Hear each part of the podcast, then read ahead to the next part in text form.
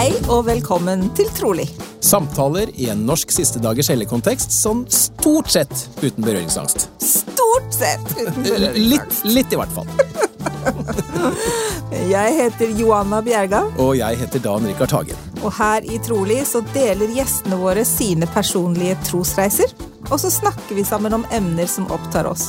Og sannsynligvis også dere. Ja, For målet vårt det er å forsøke å skape et trygt rom med stor takhøyde og plass til alle. For alles historier fortjener å bli hørt. Og det er mer enn én måte å være en siste dagers hellig på. Eller noe helt annet.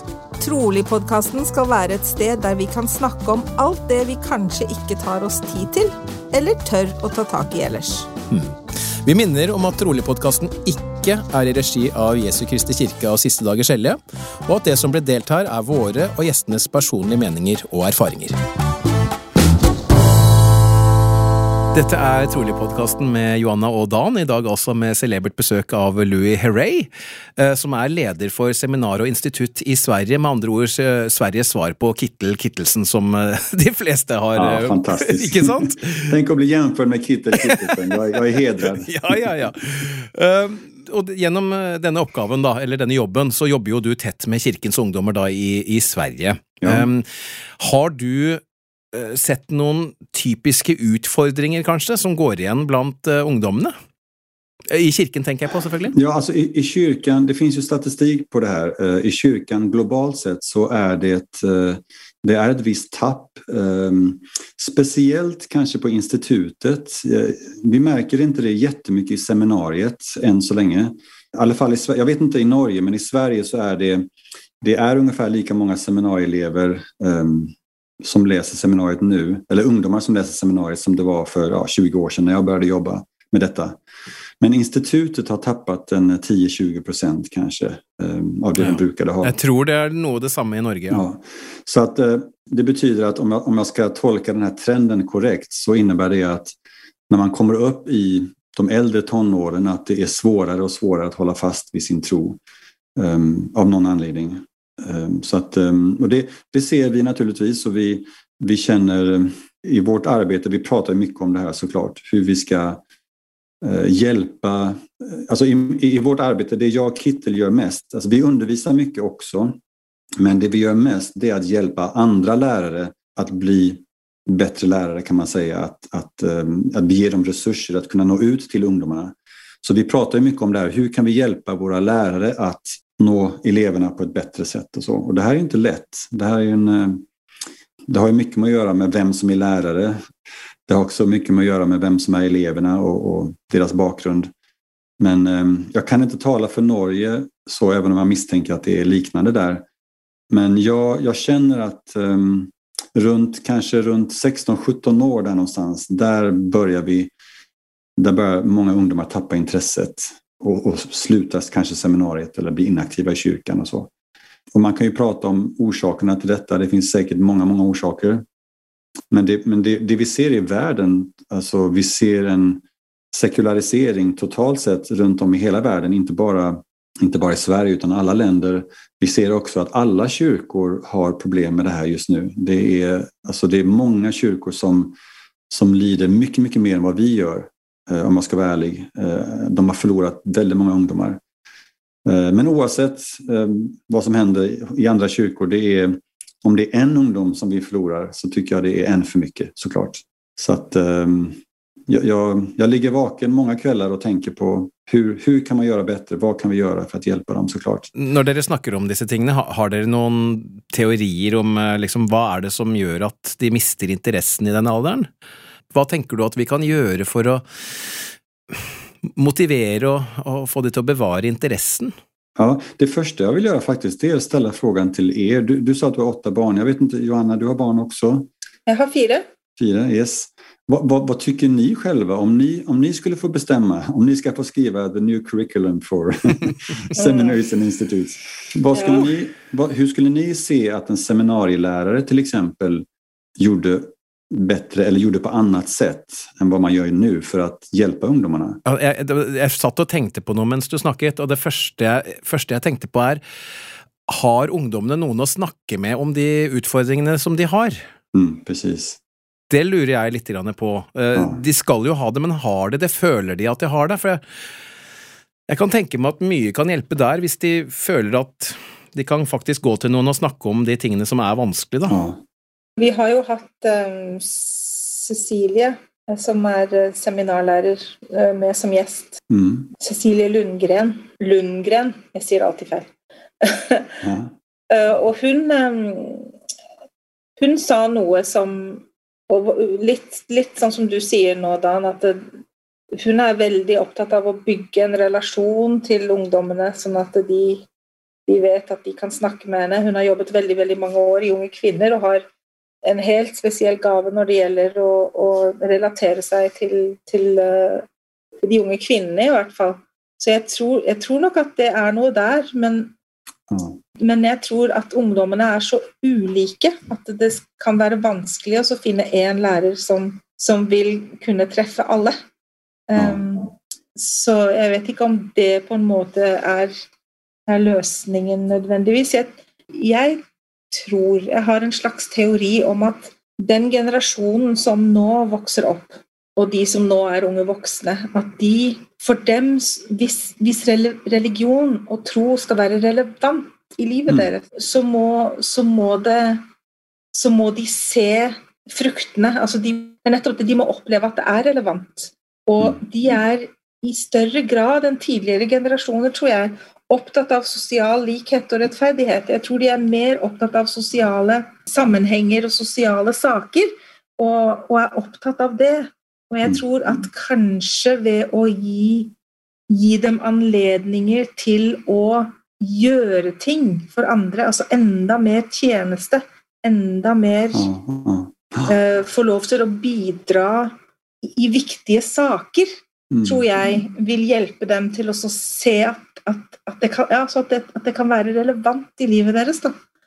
Vi ser jo, sånn som du snakket om, hvor stor betydning en misjon hadde Mm. Men kanskje den opplevelsen og den erfaringen som en misjon gir og kan gi, at vi hadde klart oss å finne enda flere anledninger, og andre anledninger, fordi det er ikke alle som kan reise på misjon, og som egner seg på en misjon.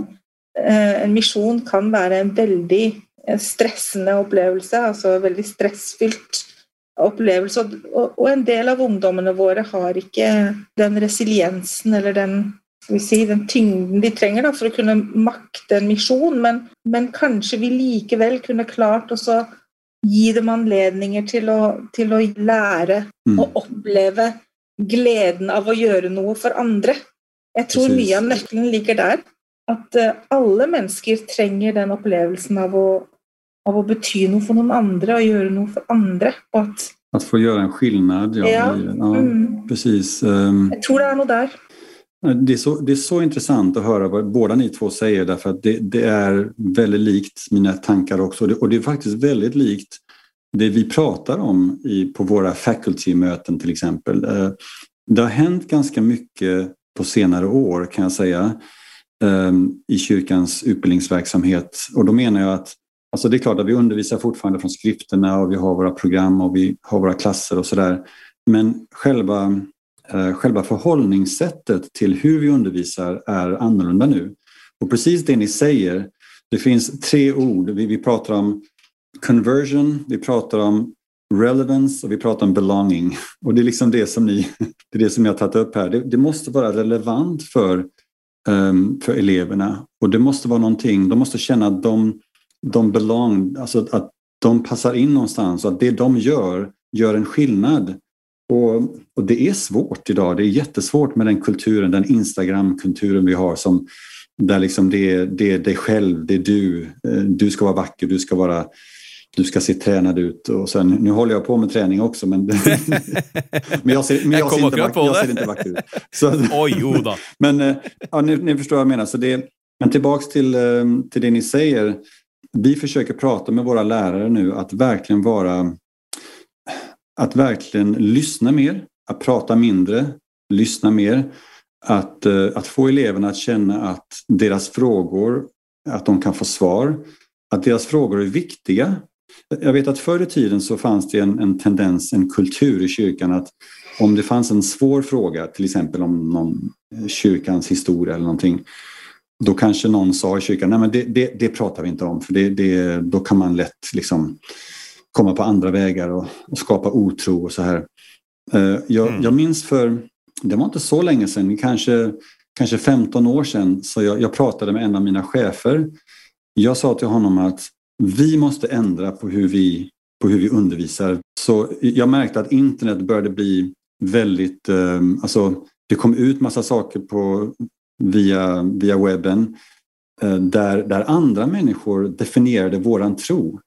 Eh, och, och, speciellt de som inte var en del av vår tro eller som, som, som försökte kämpa emot våran tro. Mm. Och de definierade vad vår tro är för andra människor. Ehm, därför att de var de enda som tog tag i de här frågorna.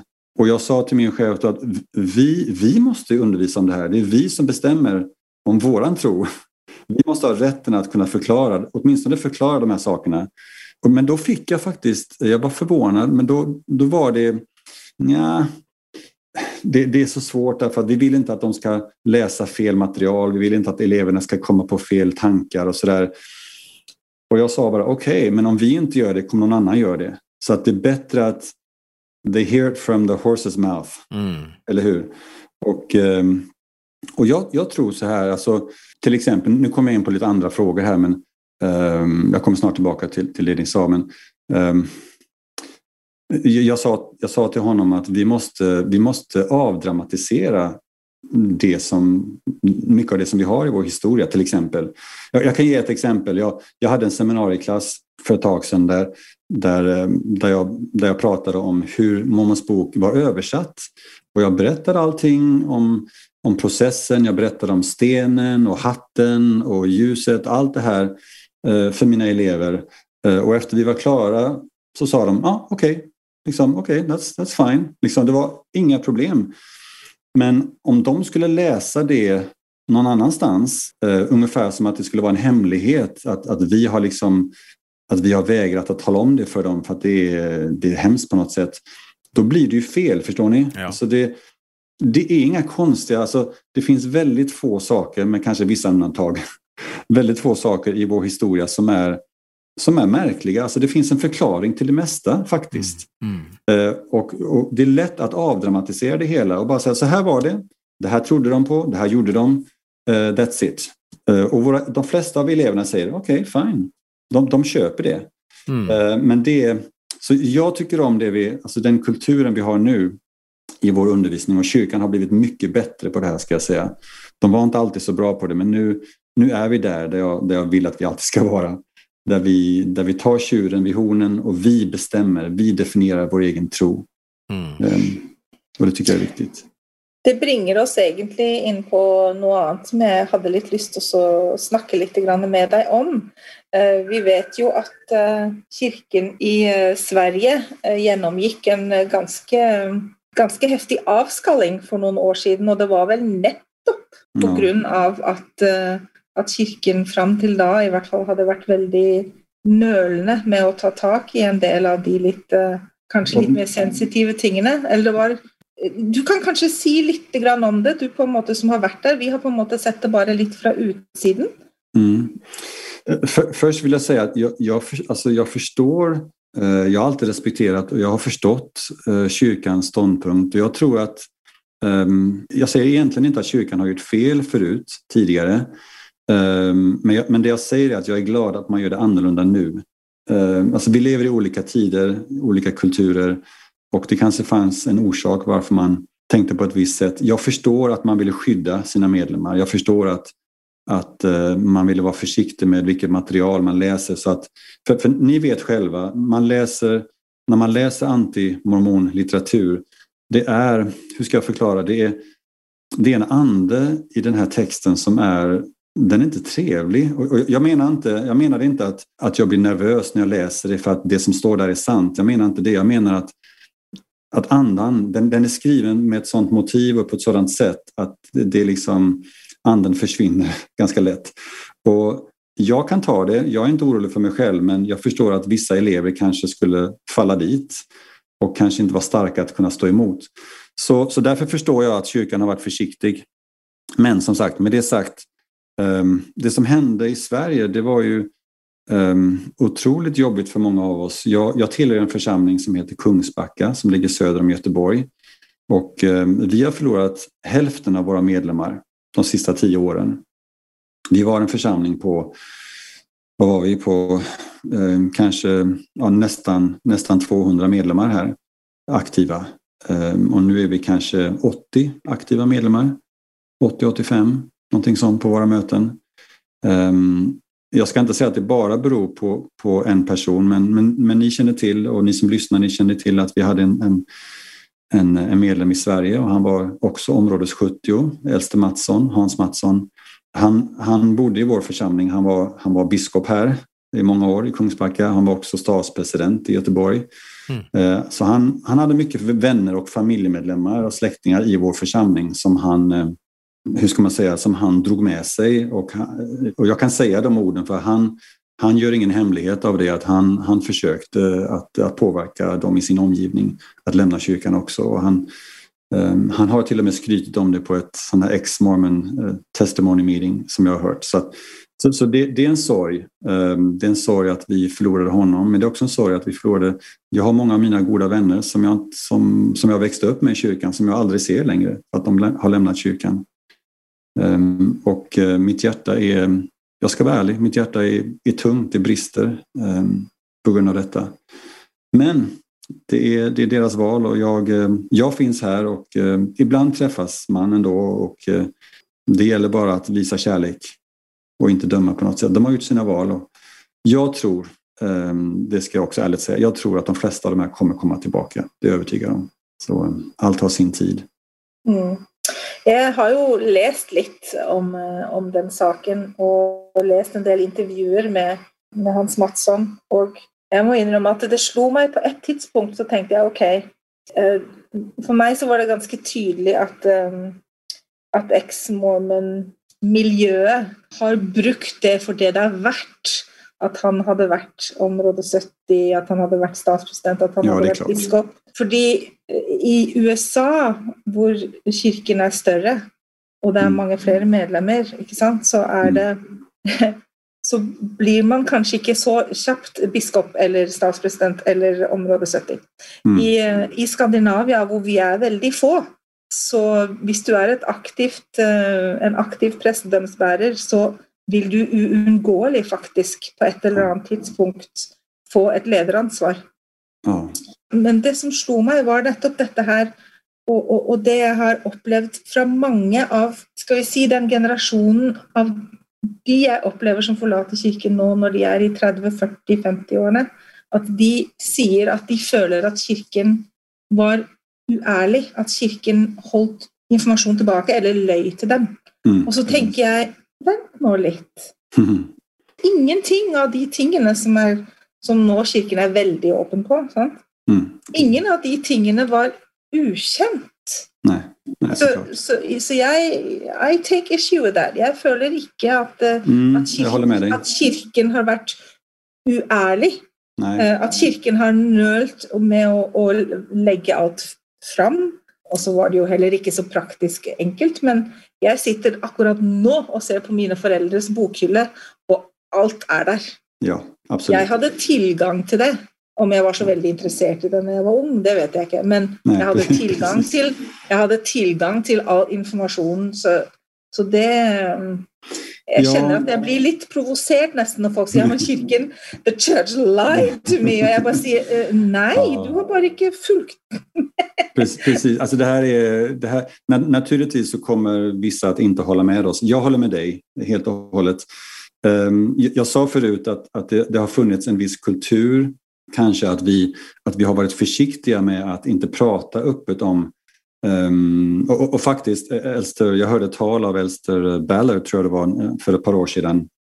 Och han sa det att förr i tiden så om någon frågade oss eh, en svår fråga, eh, då kanske läraren sa att no we don't talk about that. Men, men han, han sa att nu så eh, vi får, vi får inte säga så. Vi måste verkligen, och det, det, det har med det här med att, eh, att vi ska lyssna till våra elever. Det här med att de ska känna att vi, att, de, att det är relevant för dem och att, att vi tar deras, eh, att vi tar deras om, om det är någon som har, vad heter det, doubts, alltså tvivel, då tar vi det på allvar. Men, men jag håller med dig att kyrkan, folk kan säga vad de vill men det är inte sant. Det finns, det finns ingen någonstans som kan säga eh, som kan, som kan visa någon text någonstans där en ledare i kyrkan har sagt att nu ska vi hålla det här hemligt för våra medlemmar. Det finns absolut inget bevis alls för att detta, detta ska vara sant. Tvärtom, all information har funnits där ute. Det här, det här som står i till exempel ehm, eh, um, uh, CES letter, det är en, en, ett sammelsurium av uh, accusations och uh, saker mot kyrkan. Men problemet med det är att allt som står där har redan tagits upp för många, många år sedan och har redan blivit besvarade. Så, så, så den, det dokumentet för mig är ett väldigt oärligt dokument och det, jag, jag köper inte det riktigt. Jag respekterar att folk tvivlar, jag respekterar att folk kan ha svårt att leva i evangeliet. Det, det kanske är för svårt för vissa. Okej, okay. men kyrkan har aldrig ljugit någon gång. Det finns, det finns inget bevis för att vi har på något sätt undanhållit material. Eh, jag, jag, kan ta, jag kan ta Hans, Mans, Hans Mattsson som ett exempel. Jag ska inte prata för mycket om honom. Eh, jag, jag, jag kan säga att jag, jag älskade honom som min biskop. Han var en fantastisk statspresident, så han var en väldigt fin ledare på alla sätt och vis och faktiskt en nära vän till min familj. Så jag, jag har egentligen bara gott att säga om, om honom och hans ledarskap. Sen är jag ledsen för det som hände men, men, men när han säger att, att jag visste inte att Joseph Smith hade flera fruar eh, och det säger han när han är Alltså han var biskop, han var statspresident, han var 70 och han har aldrig läst Lärarna pakter kapitel 132. Han har aldrig, förstår ni? Han har, alltså, this is not rocket science. Det här, det här är liksom det är sånt som finns där och något som alla vet om. Sen om vi pratade mer om Brigham Young kanske, om hans alla fruar, det är möjligt. Men att, att säga att, att, för en ledare högt uppsatt i kyrkan att säga att han inte visste att Josef Smith hade flera fruar, det, det, det säger mig, that's a red flag for me. Det, det är liksom, då, då, då, är det någonting som inte riktigt stämmer på något. Ehm, och, och det, var, det var mycket annat också, men eh, jag, jag, jag, väljer att inte gå in på, på det här för mycket. Jag respekterar eh, han och hans familj. Eh, jag tror att jag tror att han också kommer komma tillbaka en dag. Jag, jag säger inte det som en eh, profetia på något sätt men jag, jag, jag, tror starkt i mitt hjärta att det finns en dag där han kommer tillbaka. Jag tror att det blir svårt för honom. Jag tror att han, han är en väldigt dynamisk person, både han och hans fru. Eh, de har gjort ett starkt intryck på den världen, om jag får säga så, den ex-mormon-världen och väldigt många respekterar honom ehm, jag skulle kunna gå så långt och säga att det finns flera som ser honom som en slags profet faktiskt. Ehm, en, en väldigt stark ledare och förebild för den här gruppen. Och därför så blir det extra svårt för honom att vända igen och komma tillbaka. Det, det är vad jag tror, men jag tror att han kommer göra det. Älskar din optimism. Man, man får aldrig ge upp hoppet, så är det. Men, eh, men som sagt, det är hans beslut. Ehm, eh, jag, jag önskar honom allt väl och hans, hans ja. fina fru också. Og så er det jo også slik at um, ja, vi mister noen underveis. Men uh, som vi har snakket om litt tidligere, så, så gjør det jo også det at de som på en måte velger å bli, har et mer avklart og um, intentional Jeg vet ikke hva det ordet er på norsk. Forhold til kirken og evangeliet. Det er et aktivt valg, og det er et bevisst mm, valg. Og det er jo ikke bare feil. Nei, det är precis det ordet. Eh, jag har tänkt mycket på det ordet intentional. Jag, jag kommer inte ens ihåg vad det heter på svenska nu. Ehm, jag får fundera på det. Men, men Esther, eller president Nelson säger precis det som du säger att, att våra ansträngningar måste vara mer intentional om vi ska kunna överleva um, den, den här tiden som, som ligger framför oss. Mm. Mm. Jeg elsker min, min eh, av, avgåtte farmor, holdt på å si. Jeg glemmer aldri en gang hun sto foran uh, Eh, det sto en gruppe med eh, eks-mormonere foran eh, statskonferansen en gang og sto og delte ut litteratur. Prøvde å liksom hooke tak i folk som var på vei inn til statskonferansen og skulle liksom mm. fortelle dem hvor forferdelig kirken var. Og så gikk hun opp til en av dem og så sa hun, du vet at du bare er i ferd med å oppfylle profetiene? liksom, du vet bare at liksom, vi, vi, nærmer oss de siste dager, og, og at den motstanden kommer til å komme innenfra, du vet det, liksom. Ja, ja. Og så gikk hun bare videre. Og så husker jeg tenkte ja, ja, ok. Så vi, vi, trenger ikke, vi trenger ikke frykte motstand. Vi trenger ikke være så engstelige. Vi vet at det vil være en, en viss avskalling, og vi vet at, eh, at, at Herren forbereder, forbereder sitt, sitt, folk. Og som president Nelson har sagt, vi kan ikke overleve åndelig uten å utvikle vår evne til å motta personlig åpenbaring. Ja. Ja, men, får jag bara säga, jag håller med dig där, eh, exakt det du säger. Och, eh, jag kom på vad ordet är nu också. Vi måste vara mer avsiktliga i mm. våran tro. Det kanske är samma på norsk. Men eh, jag, jag, ser positivt på, på framtiden. Men um, det som händer nu lite grann till att anknyta till det du säger. Att vi, vi kommer att stöta på prövningar i kyrkan. Vare sig de kommer inifrån eller utifrån. Men jag, jag är inte förvånad. Jag, jag tror inte någon borde förvåna sig egentligen. För där, tillbaka till det här vi pratade om tro förut. Förlåt att jag, jag pratar för mycket nu kanske, men, men, men det, jag vill, det jag vill säga är att eh, jag tror att Herren måste pröva oss. Eller jag vet att han måste pröva oss. Varför då? Jo, alltså han måste veta om vi... Om man säger så här, vi har fått sanning som jag ser det. Vi har fått sanning från Gud genom den heliga anden, genom erfarenhet och så vidare. Och sen så finns det sanning där ute i världen och ibland den här den världsliga sanningen eller kanske vetenskapliga sanningen, vad, du vill. Det kan verka ibland som att det motstrider det som Gud säger är sant. Mm. Och på, på någon måte så måste vi, vi måste bara bestämma oss vem vi ska lita på. Litar vi på det som Gud har sagt till oss eller litar vi på det som världen säger? Uh, och jag tror att det här är en test som alla människor måste gå igenom. För det, för det är nödvändigt. Gud måste veta, enligt, enligt mitt sätt att se på det, han måste veta vem han kan lita på. Det som kommer att hända i de sista dagarna kommer att vara så svår, De kommer att vara fantastiska, men de kommer också att vara svåra. Och om inte vår tro är prövad tillräckligt så att vi kan vara starka, så att vi är på the Lords team. Alltså vi måste vara bredvid honom, vi måste stå med honom och han måste kunna lita på att vi gör det. Och det är därför han testar oss, tror jag.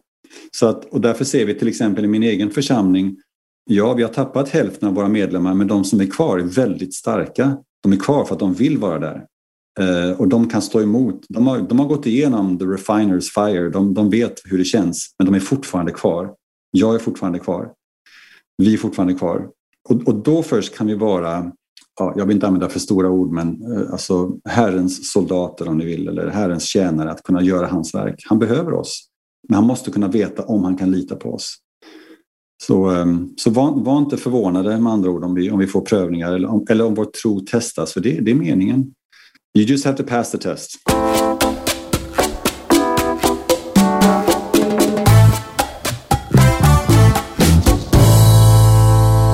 Dette er Trolig-podkasten, Dan og Johanna sammen med Louis Herrey i dag. Du var så vidt inne på, vi siterte jo president Nelson her, som blant annet har, har i det senere snakket mye om at vi er nødt for å skaffe oss åndelige opplevelser. Og eh, en annen ting han også har snakket mye om, at vi må høre ham. Og da, vårt spørsmål til deg, Louis, hvordan hører du Herren? Hvordan mottar du personlig åpenbaring? Um, det var en jättebra fråga. För det första så min först, mitt första svar är att jag längtar efter att få uppenbaring. Eller uppenbarelse som vi säger så fint på, på svenska. Eller uppenbaring låter finare tycker jag på norska.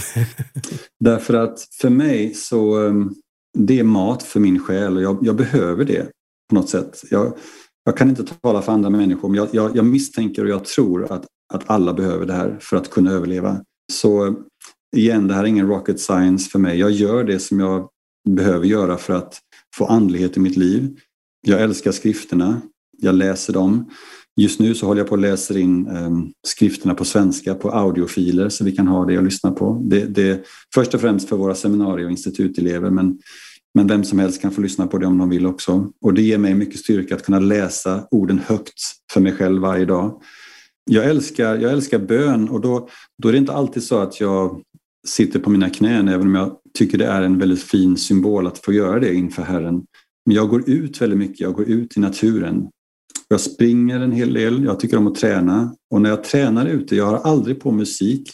Jag har aldrig på någon podcast faktiskt. Jag är ledsen. Jag, jag ska kanske börja lyssna på, på Trolig. Ja! Bara Trolig. Ja, ja och, vi, och vi har bara episoder annanhver vecka så det är ja. inte så mycket. så exakt. Så nej, men jag, jag, jag, tycker om att, att ha tyst omkring mig så att jag kan höra dels naturen och fåglarna men också att jag kan få, få intryck från, från min himmelske fader. För jag, jag känner att han att han försöker tala till mig och ibland så finns det så mycket brus, alltså det är så mycket omkring oss som, är, som låter, så, som gör att vi inte hör Gud. Och där, vi pratade förut om våra ungdomar, där tror jag är en av de största eh, vad ska man säga, en av de största knepen som Satan använder sig av. Att, eh, att han fyller vårt liv med så mycket brus. Det är inte så att han fyller vårt liv med många dåliga saker kanske. Men det är bara mycket brus och mycket ljud och mycket oväsen och mycket videoklipp och mycket bilder, mycket sånt som gör att vi, alltså det kan vara bra saker men det tar oss bort från att göra bättre saker, förstår ni? Mm. Uh, och, och, det tänker jag mycket på att jag vill, jag, vill, jag vill hamna i de situationerna där jag kan höra Gud. Uh, och, för, och för mig så är det miljöer som inbjuder till anden. Ehm, att ha det lugnt och tyst omkring mig, att, att ta mig tid för att möta Herren i skrifterna, att gå ut i naturen. Ehm, jag tycker om det här, att samtala med folk som vi gör nu, att samtala med, med er, att samtala med mina elever. Jag, jag, jag är inte en... Jag kan inte tala för andra lärare, men jag, jag är ganska okonventionell. Jag, jag undervisar kanske inte som många andra gör. Jag, jag tycker om att när jag har lektion så vill jag bara, ungefär som vi gör nu, att sitta och samtala mm. om tron, om evangeliet och vad det har för relevans i våra liv. Och, mm. och jag älskar att lära mig från mina elever. Det är det bästa jag vet. Jag har institutelever men också seminarieelever som jag, som jag lär mig från varje dag. Eh, och det är en skatt. Det, och det är ett sätt för mig att höra Herren, att, att lyssna till andra. Um, och det, det, glömmer man ofta faktiskt. Det finns uh, så mycket mer än bara skrifterna och bara bön. Uh, jag tror det finns många änglar där ute omkring oss som Herren försöker sända oss och tala om saker för oss. De två sista postene våre er Dersom du kunde forandret noe i kyrkan, vad ville det varit? More gospel music skulle jag vilja ha. Ja. Absolut. Oj, det skulle jag älska. Lite mer, ja, lite mer, lite mer um, musik som... Eh, jag är lite färgad av min uppväxt. Jag, jag på universitetet så, så hade jag en, eh, en pingstvän eh, och jag följde med, han följde med mig till kyrkan ibland och jag följde med honom till kyrkan. Och ibland så gick vi på gospelkonserter där i Pingstkyrkan. Det var, det var härligt. Du vill ha lite mer Diggiloo Diggiley du? Ja, kanske. Ja, precis. jag, jag, vill inte säga det, men okej okay då. nej, men det, nej, men skämt åsido. Eh, nej, men mer, lite mer... För jag, jag känner att det finns så mycket glädje i den här musiken. Det gör jag. Men um, det jag känner, jag har tänkt, jag har tänkt mycket på det här. Ehm, finns det någonting jag skulle vilja ändra på?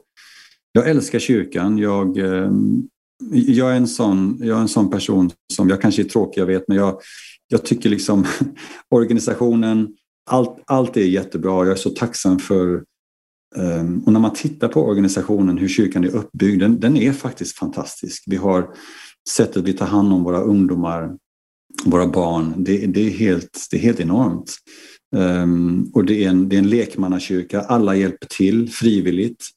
Och det, trots att vi har våra problem, vi är, vi är mänskliga, vi gör våra fel, så fungerar det ändå. Det faktiskt fungerar. Och, mm. uh, min, mina söner sa det till mig häromdagen faktiskt. Uh, min son som uh, han är tillsammans med, med hans flickvän nu efter två år och han vill gifta sig snart. Och, han sa till mig, pappa jag vill, jag vill att mina barn ska gå till kyrkan därför att jag älskade min tid som barn i kyrkan. Så att folk känner den, den styrka evangeliet och organisationen ger. Mm. Så det, jag, jag, jag hittar inga fel med organisationen alls faktiskt. Men eh, ibland så hittar man ju fel hos människor eller, eller hur ska jag säga? Ibland hittar man fel på det sättet som vi lever i evangeliet. Mm.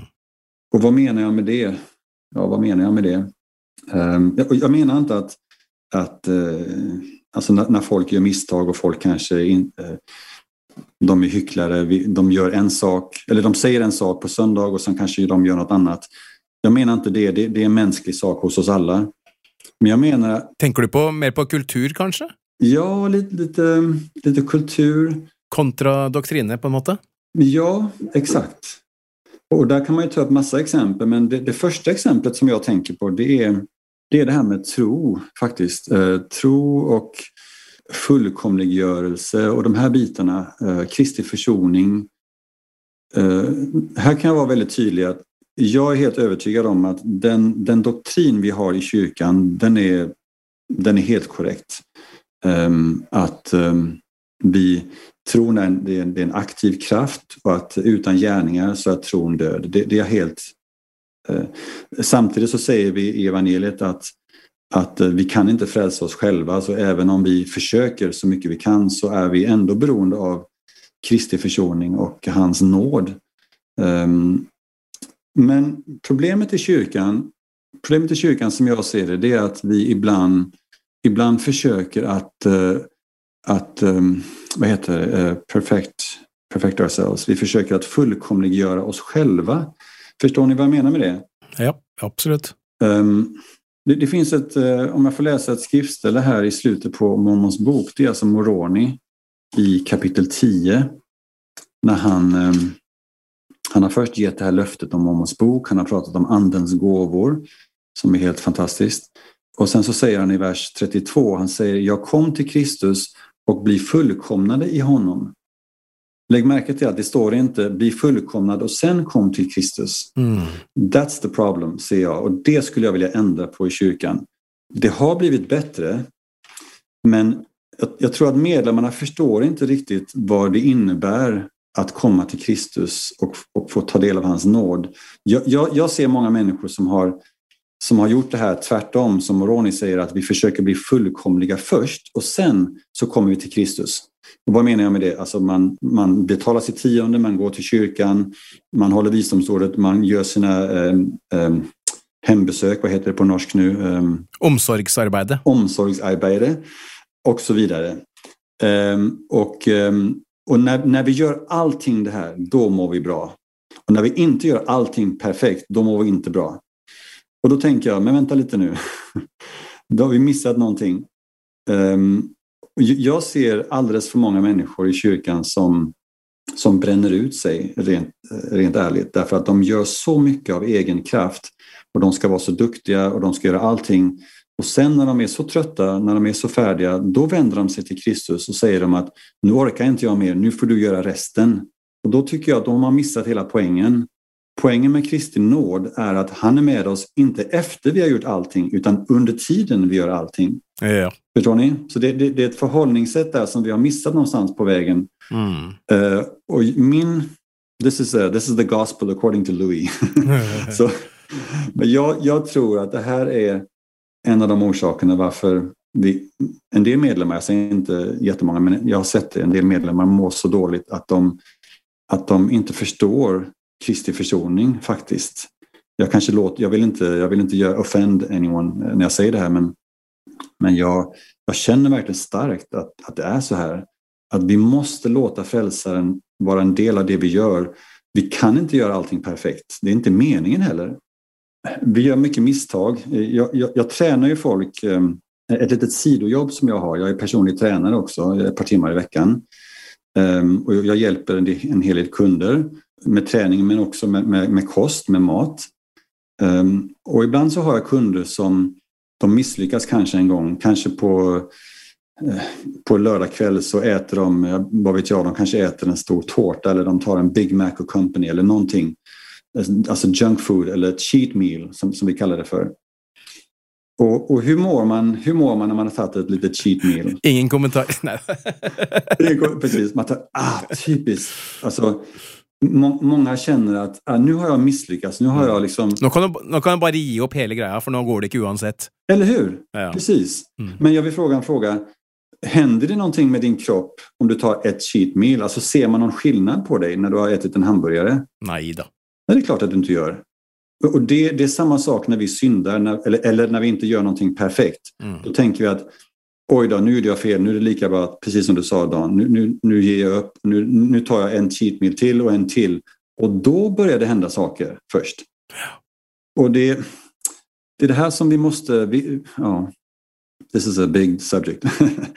vi får inte vara för hårda mot oss själva helt enkelt. Och vi mm. måste lita på Kristi försoning, det vill jag försöka säga.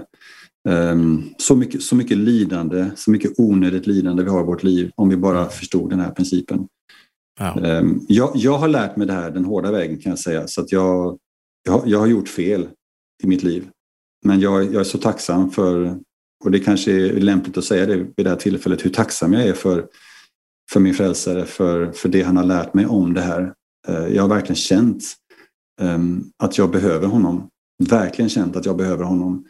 Och jag har också känt att han behöver mig. Han, han behöver att jag behöver honom, förstår ni? Mm. Så att han inte känner att han, det han gjorde för mig var förgäves. Mm.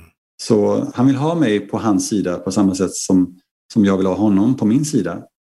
Så vi är ett team. We belong together. Så är, så är det. Väldigt bra. Helt till slut, Louis, vad syns du är det allra, allra bästa med att vara medlem av Jesu Kristi kyrka och Sista dagars Helle? Jag älskar medlemmarna i kyrkan. Jag har fått så mycket glädje, så många goda vänner och eh, ja, så många härliga erfarenheter tillsammans med, med fina medlemmar och eh, eh, vänskap som kommer att vara i evigheten. Det tycker jag är fantastiskt. Sen, sen tycker jag, vi har, vi har pratat om väldigt mycket redan som jag älskar med kyrkan och, eh, och något som ni två har sagt, ni har upprepat det många gånger och det är det här med uppenbaring. Jag, jag, älskar att vi tillhör en kyrka som inte bara undervisar om uppenbaring utan uppmuntrar till oss att få personlig uppenbaring. Ehm, jag läste i skrifterna den här veckan om um, ni, ni, kanske kommer ihåg när, när medlemmarna i, i, kyrkans historia, tidiga kyrkans historia, att de skulle flytta från Kirtland till, till um, Missouri. Um, och det var lite missionärer som gick fram och tillbaka där under, under några resor. Och, och Gud sa till dem att att eh, han, han bad dem göra missionärsarbete i princip. Men sen sa han till dem att hur ni gör det, det spelar ingen roll för mig. Utan gör det som, som, gör det som ni känner är rätt, säger han i princip. Och det, och Josef Smith sa likadant. Han säger att jag undervisar dem de sanna principerna men sen så they govern themselves. Mm. Och det är verkligen kärnan i evangeliet. Vi, vi är inte, oavsett vad någon försöker säga till oss utanför kyrkan, vi är inte ett folk som blint ska följa någon person som sitter i Salt Lake som säger att gör så här. Tvärtom, vi är inbjudna att, ja, vi är inbjudna att följa såklart och att lyssna till profetens råd. Men vi är lika mycket starkt uppmuntrade till, det vill jag säga, jag vill understryka det, vi är uppmuntrade att söka sanningen så att vi själva kan veta i vårt hjärta om det här är rätt eller inte för vår egen del. Så att vi följer Gud av rätt motiv. Och det motivet ska vara inte tvång, inte mm, att vi följer strömmen på något sätt, utan att vi gör det av kärlek till Gud. Ehm, och det är det finaste med evangeliet, att vi lär oss att personligen ta ansvar för våra handlingar och personligen få möjlighet att älska Gud, vilket är det största och viktigaste budet. Ehm, och då kommer den här uppenbaringen som vi verkligen dagligen så väl behöver. Ehm, och det är it's food for the soul, vi behöver den maten för vår själ. Amen, once again brother! Amen. Okej, okay, thank you. Tusen takk, Louis. Det var veldig fint. Ja. Eh, likte spesielt godt det du sa når du sa det om at eh, når man leser antilitteratur, så, så er det veldig lett å miste ånden. Og det, eh, for min del så har jeg opplevd Jeg følger en del folk på Twitter. Mm. Og dessverre så havner jeg av og til inn i diskusjoner og debatter, og Exmo-miljøet er ganske aktivt på Twitter. Og, og, det er sant, akkurat som du sier, men for meg så er det nesten blitt et um, det er nesten blitt sånn at det styrker mitt vitnesbyrd, fordi det er så tydelig forskjell på det som er, det som er godt, og det som gir meg noe åndelig mat, og det som gir meg noe positivt, og det som er negativt, og bare negativt, og bare drar ned, og bare er destruktivt. Det er helt sant. Man mister ånden med en gang. Og det er mm. så fantastisk deilig å, å se kontrasten. Det, det, bara styrker mitt, mitt vittnesbörd om att we're on to something. Vi har, vi har ett eller annat. Vi har ingenting att skämmas för faktiskt. Alltså det är kyrkan, jag vet att det är mycket, många försöker lyfta fram the dark sides på något sätt. Men jag måste ändå säga att jag är så stolt över kyrkan och jag är, alltså vi har det i våra trosartiklar till och med att vi, att vi, vi vill ha rätten att, att tro enligt vårt eget samvete men att vi ger rätten till andra att tro som de vill. Jag menar, vilken kyrka har det i sina trosartiklar? Det är, det är fantastiskt vilken inställning vi ändå har. Mm. Um, och en respektfull. Um, ja. Mm, ja. Det är mycket att säga. Vi får ta ett annat samtal. Ja. Väldigt fint. Tusen tack för att du ville stille, eh, selv i, i Eurovision Song Contest bakrus, om man kan kalla det det. Kämpefint. Tack att jag fick komma och samtala med dig. Det kändes jättetrevligt. Tusen takk for at du hørte på dagens episode. Om to uker så er vi tilbake med en ny spennende samtale. Men allerede om en uke kommer en ny utgave av nyhetsbrevet vårt, Mer enn trolig, som du kan abonnere på via Facebook-siden vår. Glem heller ikke at du kan følge oss på både Instagram og Twitter, og at vi gjerne tar imot forslag til f.eks. For gjester og emner på e-post. Da kan du skrive til troligpodkast, med K altså, troligpodkast at gmail.com. Og hvis du liker det du hører, så blir vi ekstra glad for skriftlige vurderinger, særlig i Apple Podcast-appen. For slike vurderinger gjør nemlig at flere kan oppdage Trolig-podkasten. Da høres vi igjen om to uker.